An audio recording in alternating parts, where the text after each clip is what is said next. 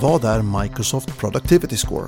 Ja, det ska vi försöka reda ut i det här avsnittet av Office 365-podden. Och vi ska också prata vidare med Pia Langenkrans som är SharePoint-expert. I förra avsnittet hade vi en diskussion om governance, om styrning av användning av till exempel SharePoint. Och vi ska fortsätta den konversationen i det här avsnittet. Och så blir det som vanligt nyheter i detta årets sista Office 365-podden.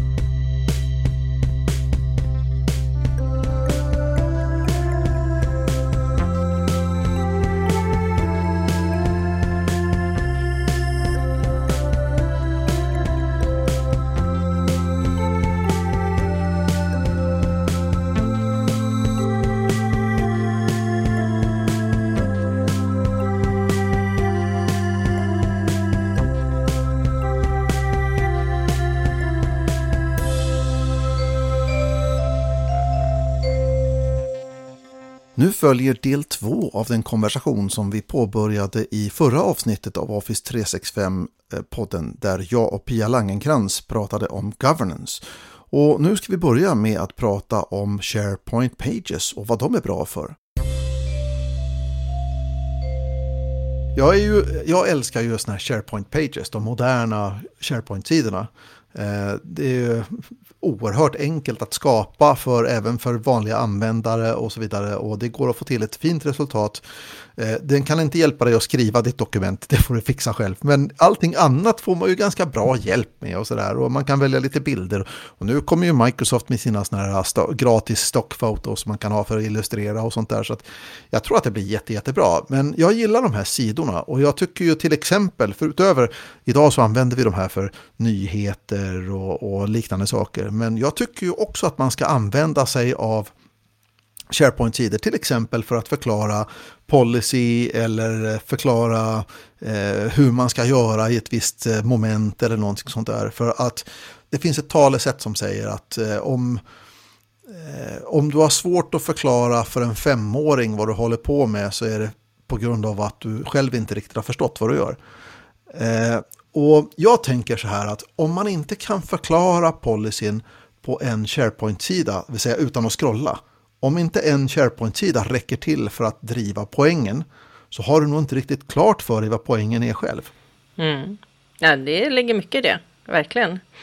Um, och jag, jag håller med dig, SharePoint Pages, alltså det är ju fantastiskt. Um, jag stöttade i en um, projektmodell som då den projektmodellen låg helt och hållet i dokument. Ehm, och jag tittar på dem där och så Jag har ju eh, viss erfarenhet av projektarbete. Jag, jag, tror jag har väldigt lite erfarenhet av linjearbete. Eh, så jag dök in i det där och gjorde om massor av de här dokumenten till SharePoint Pages. Alltså en PowerPoint-fil eh, som då förklarade hela modellen. Den blev en sida per steg, per fas i modellen. Och så knöt jag ihop eh, dokumentbibliotek som var taggat med den fasen. Eh, just för att säga, så här ska man presentera den här informationen. Man är inte intresserad av hela projektmodellen hela tiden. man är intresserad kanske av, sitter man i förstudien, då vill man nu titta på vad är det för dokument jag ska fylla i? Vad är poängen här? Vad är det för beslutspunkt som jag kommer till? Vad finns det andra bra exempel? Och då kan det ha en egen sida.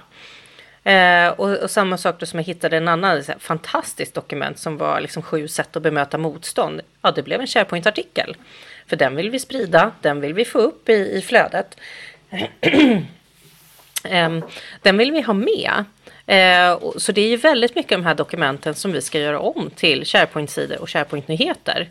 Ehm, och vad tycker du är skillnaden mellan de två? Nyheter är ju bara en variant på en SharePoint-sida. Rent tekniskt sett så är det ju inte så mycket mer än så som du säger. Eh, med en skillnad till är ju att SharePoint-nyheterna visar sig i SharePoint-appen på ett väldigt behagligt sätt. Eh, och för mig är det ju någonting som jag jobbar väldigt mycket med just i governance och säger så de här långa mejlen som lever väldigt länge Sluta skicka de mejlen. Gör dem som SharePoint-nyheter.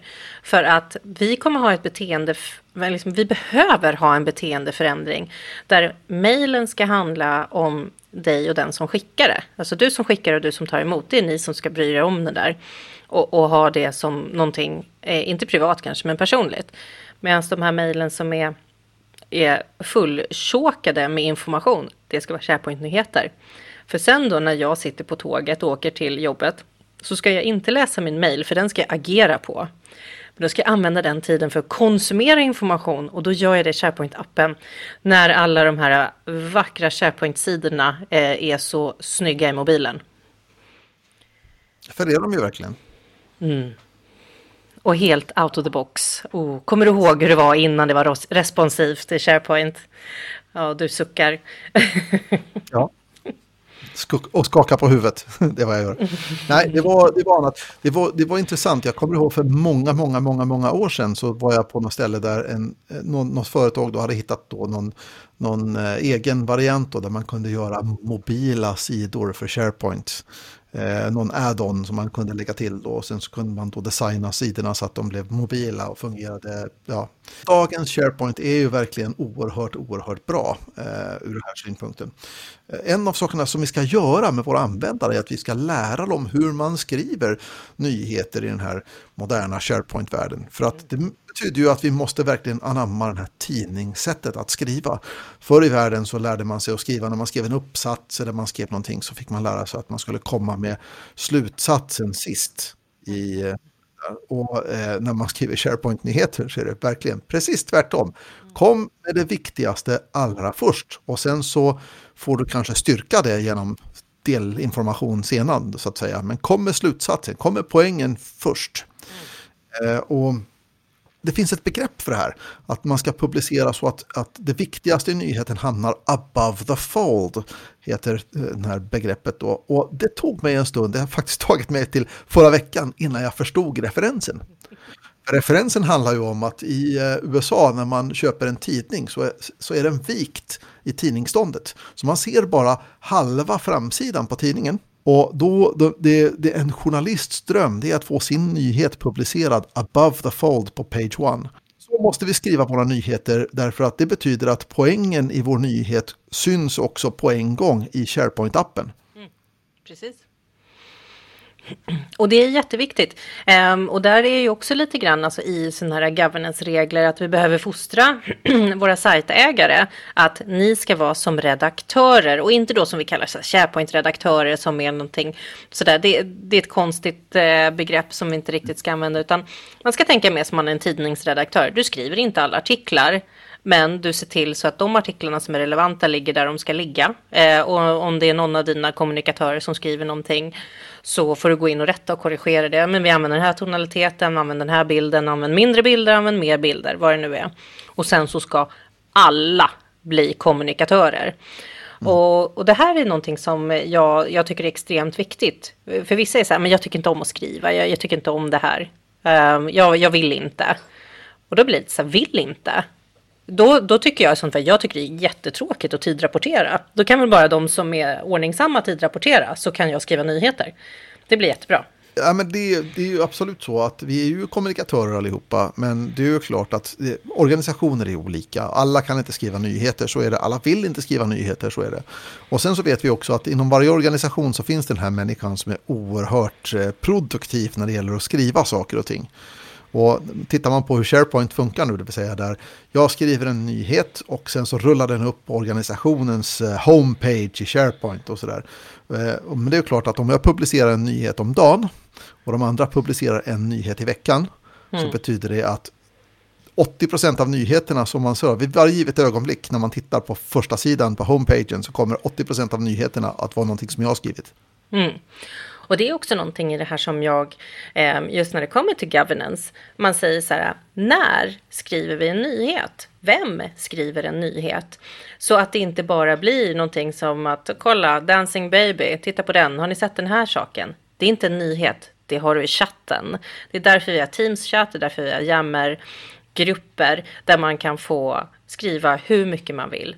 Medan sen då ett projekt och en projektledare varje vecka Kanske de ska skriva som ett nyhetsbrev vad som har hänt. Eller en gång i månaden så ska det skrivas och komma ut på PMOs sida. Um, och när man har anteckningar från möten som vi har, det ska vi eh, också publicera som en nyhet och den går runt eller någonting eller man delar på en OneNote. Så man faktiskt har ett tydligt regelverk kring vad är det vi ska kommunicera. För det var ju faktiskt därför vi gjorde de här kommunikationsplanerna till att börja med. Mm. Så, Men det, så måste, det... Ju inte vara de här, måste ju inte vara de här stenhårda reglerna utan återigen då så hjälp för användaren att förstå hur vi tänker. Mm. Absolut. Absolut, men som till exempel, jag, jag har skrivit en artikel som jag har copy-pastat i nästan alla mina såna här kunders exempelsajter om när skriver vi en nyhet. När vi har en win, när vi presenterar en ny resurs, eh, när vi har en kris, eh, när vi ska förklara en lösning eller förklara ett problem. Lite grann så att det finns när vi har en ny rapportering. Alltså, eh, ekonomiavdelningen kanske ska förklara årsredovisningen för någon. Eh, och så sätter man upp de här reglerna och sen så kommer man överens i arbetsgruppen. Är det, är det det här som vi pratar om eh, med våra interna eller externa kunder? Um, och där brukar jag också säga så här, titta i er mailbox. Vad är det för mail som ni skickar om och om igen? Och som vidarebefordras. Och där har ju, du har ju ingen kontroll över det. Uh, skriver du som en SharePoint-nyhet eller en SharePoint-sida så har du kontroll över innehållet. Då skickar du bara iväg länken. Och sen som du ändrar dig, bara, ah, vi ska nog okej, du kan få ha en Mac-dator då. Uh, och så är det någon som har det här två år gamla e-mailet som har vidarebefordrats om och om igen för det var så bra information i det. Här står det att man inte får det och nu säger du att man får det. Gud vad konstigt. Kan inte bestämma er. Ja, har de en länk så kan de gå in på länken och då har den ändrats. Mm. Ja, men så är det ju. Det är ju en av finesserna som man, man har med SharePoint-sidor är att de är ganska enkla att underhålla jämfört med en, ett mail som man skickar ut någon gång. Eh, så, eh, en eh, god vän till mig, Marcus, han eh, jobbar just nu, han är också en fristående konsult inom Office 365 och har skickat ut ett eh, nyhetsbrev eh, en gång i månaden. Och jag har rekommenderat att han ska sluta med det, utan istället så ska han publicera nyheterna en och en istället som SharePoint News. Eh, och det behöver ju inte vara så att det rullar upp på den här eh, stora organisationens hemsida. Utan det kan ju vara så att det ligger bara kvar på den här enskilda sajten. Det är helt okej. Okay. Skriver man då någonting fel på den här så är det liksom inte ett mail som jag har skickat ifrån mig och eh, det, nu, nu har fel information gått ut. Utan det går att redigera, det går att ändra informationen. Det är enkelt att underhålla en sida medan någonting du har skickat ut i mail, ja, det får du ju som regel äta. Liksom. Så är det ju. Mm. Och jag brukar säga också, om du vill ha ett, ett skottsäkert sätt på hur, hur, om folk läser dina mejl eh, så ska man försöka dra tillbaka det. Um, har du sett någon gång hur det ser ut i Outlook när du försöker återkalla ett e-mail? Ja. Eh, alltså, till att börja med, nummer ett, kan man återkalla e-mail? Det finns en sån klickgrej som man kan göra, men kan man på riktigt återkalla ett e-mail? Ja, inom eh, samma tenant typ. Eh, jag tror, senast jag kollade det här då, så är det ju så att om mejlet fortfarande ligger på Exchange-servern inom din interna Exchange-server så kan du dra tillbaka det om det inte har också distribuerats ut. Och nu vet vi ju, det tar ju bara sekunder så kommer det ut. Så nu står det ju verkligen bara så här, Pia har försökt återkalla det här mejlet och det ser ut som en digital bilkrasch i mejlboxen. Man kan omöjligt, bara, jag måste läsa det här, vad var det som var så viktigt? Vad hände det här? Vad är det här? Oj, hur har hon nu gjort bort sig? Ja, vad är det hon inte vill att jag ska veta som hon nästan vill att jag skulle veta? Nej.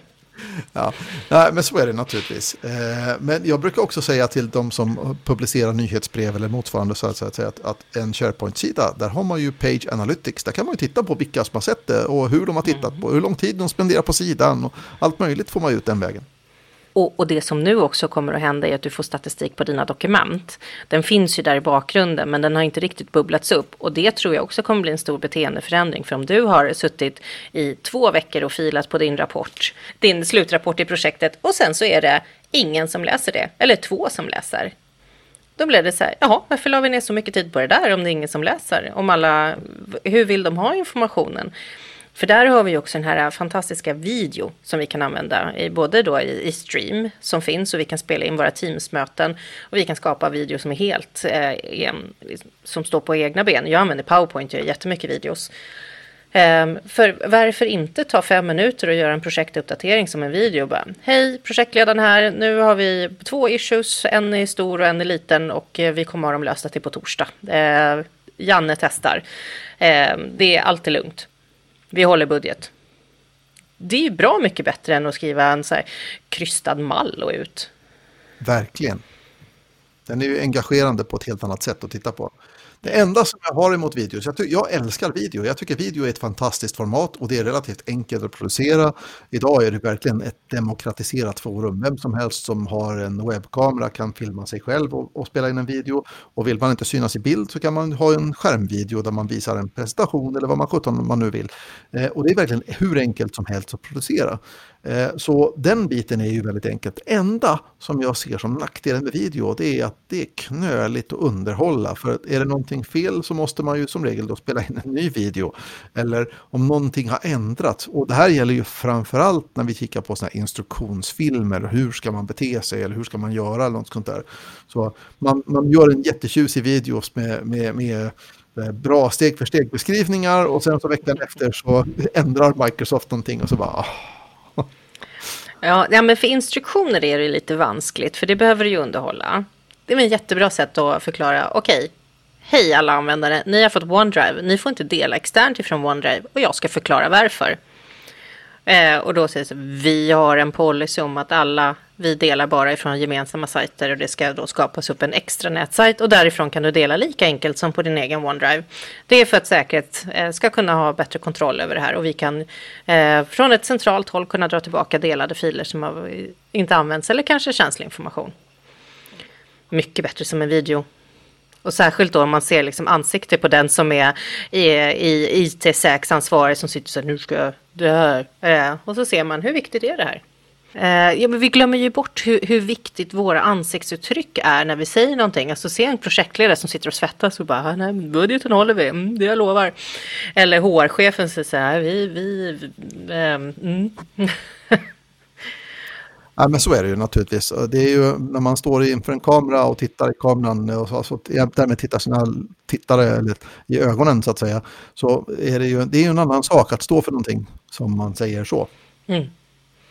Precis. Och det är ju en övningssak. I, eh, alltså, folk kunde inte skriva rapporter förut. Um, och så började man bara på att blaja och sen så började man att summera saker och fick hjälp att skriva rapporter. Samma sak med nyheter. Nu börjar folk lära sig lite grann om hur nyheter är. Um, och jag tror att vi kan, eh, vi kan få upp ut så otroligt mycket av våra härliga millennials som alla nästan klagar på jämt och ständigt, hur man använder videos. Um, och jag, så, fixa ljudet, fixa ljuset och sen så håll det kort. Eh, börja med, hej, det här är jag, säg din grej. Och sen så en call to action och så rundar av. Och bara, som de alltid är så här, skriv någonting, kommentarerna, för de är jättebra på att be om feedback, någonting som äldre är, inte tycker om. Utan då blir man så här, ja, har du något att säga om det här kan du skicka ett mejl och så, mm, hej då. Du hörde Pia Langenkrans och mig prata om governance här i Office 365-podden. Nu ska det handla om någonting helt annorlunda. Nu ska det nämligen handla om Microsoft Productivity Score. Känner du till Microsoft Secure Score? Ja, det är en poängbaserad mätning av hur säker just din implementation av Office 365 är. Har du satt upp multifaktorautentisering? Har du satt upp loggning av administratörers eh, olika handgrepp i Office 365-miljön och så vidare? Alltihopa det här är ju väldigt, väldigt praktiskt. Nu kommer Microsoft med ytterligare en sån här ny poängtavla kan man säga. Och den nya poängtavlan den heter Microsoft Productivity Score. Ja, det är väl oklart än så länge då huruvida den här kommer att vara en gratis eh, funktion i Office 365 eller huruvida man får köpa till den här eller om den bara ingår för den som har det dyrare Microsoft 365-abonnemangen och så vidare. Men vad är då den här Productivity Score för någonting? Ja, det är en eh, rapport som man kan titta på som pratar lite grann om hur vi använder oss av Office 365. Inte bara hur många användare har en mailbox och hur mycket mail kommer in och hur många sparar sina dokument i OneDrive och så vidare, utan mer hur själva kollaborationen och hur arbetet fungerar i Office 365. Den här kommer att ge oss flera olika typer av insikter, men det kommer att basera sig initialt på fyra stycken enskilda områden som man mäter på. Den första kallas då för Understanding Communication Style och eh, den har att göra med att kika på hur många det är som aktivt deltar i både mail och chattar och i Teams-kanaler, i konversationerna där och hur det här arbetet eh, flyter på för de anställda. Det andra området är att utveckla en möteskultur och det har att göra med hur villiga vi är att delta i elektroniska möten.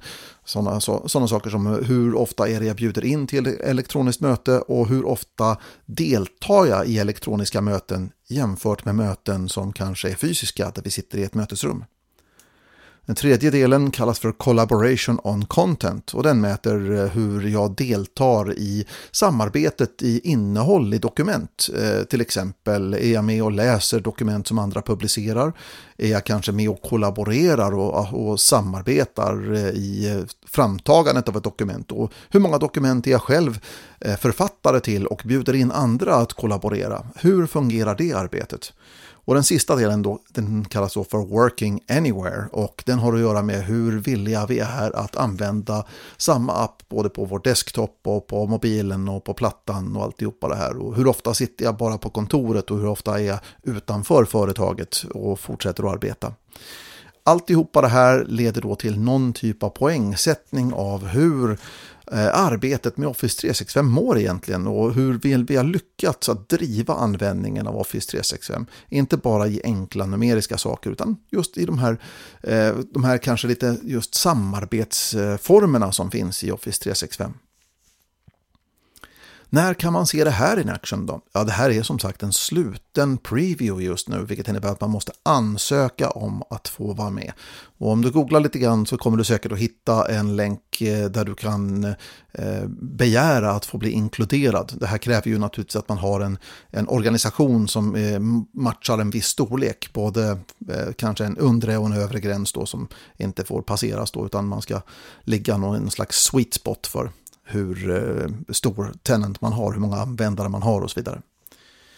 Eh, så det kan man göra om man vill. Eh, det här har börjat rulla ut sedan i mitten på november och Microsoft säger att från och med nu i december så tittar man då den 15 varje månad så går man igenom nya ansökningar som har kommit in och får bli inkluderade i den här previewn.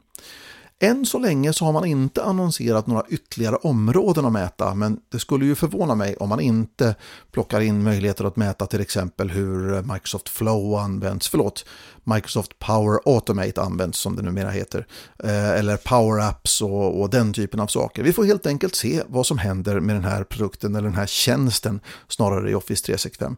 Men jag tycker att det verkar ganska lovande. Det här är ju en, ett bra komplement till en liknande tjänst som vi har som heter My Analytics. Och My Analytics den tillåter ju mig att se hur jag arbetar i Office 365. Men den ger inte de här stora breda penseldragen för hela organisationen, hur vi samarbetar arbetar internt. Så absolut, den här eh, Microsoft Productivity Score, det ska bli väldigt, väldigt intressant att se ifall den här dyker upp, eller förlåt, det ska bli väldigt intressant att se när den här dyker upp skarpt och tillgängligt för alla. Vi har fått en ny administratörsroll i Office 365. Den nya heter gruppadministrator. Den som innehar rollen kan skapa och hantera grupper och även skapa och hantera gruppinställningar såsom till exempel namnpolicies eller utgångspolicies. Man kan också se aktiviteter i gruppen och man kan titta på granskningsrapporter. Vi har sedan en tid tillbaka haft möjlighet att sätta ett förfallodatum eller sista förbrukningsdatum på grupper som vi skapar i Office 365. Det här gör vi i Azure AD och vi kan sätta vilket tidsintervall vi vill, så från och med skapandet och säg till exempel 60, 180, 365 dagar så lever gruppen ett normalt liv och när vi börjar närma oss utgång så får gruppens ägare ett mejl som påminner om att han antingen måste låta gruppen förfalla eller förnya. Nu kommer en nyhet som gör att gruppen automatiskt förnyas baserat på aktivitet i gruppen. Det vill säga om vi har någon aktivitet i gruppen så behöver gruppens ägare inte göra någon speciell åtgärd utan gruppen kommer att förnyas automatiskt. Ja, det var allt vad vi hade att erbjuda från Office 365-podden för i år. Stort tack till Pia Langenkrans, stort tack till alla andra som har medverkat i den här podden under året. Nu står 2020 för dörren och jag hoppas att 2020 blir lika intressant och spännande inom Office 365 som 2019 har varit. Jag hoppas också att du fortsätter att lyssna på den här podden och att du kommer med eh, idéer, tankar och feedback om eh, vad vi borde prata om här. Ha ett riktigt gott nytt år och eh, en riktigt bra 2020 så hörs vi.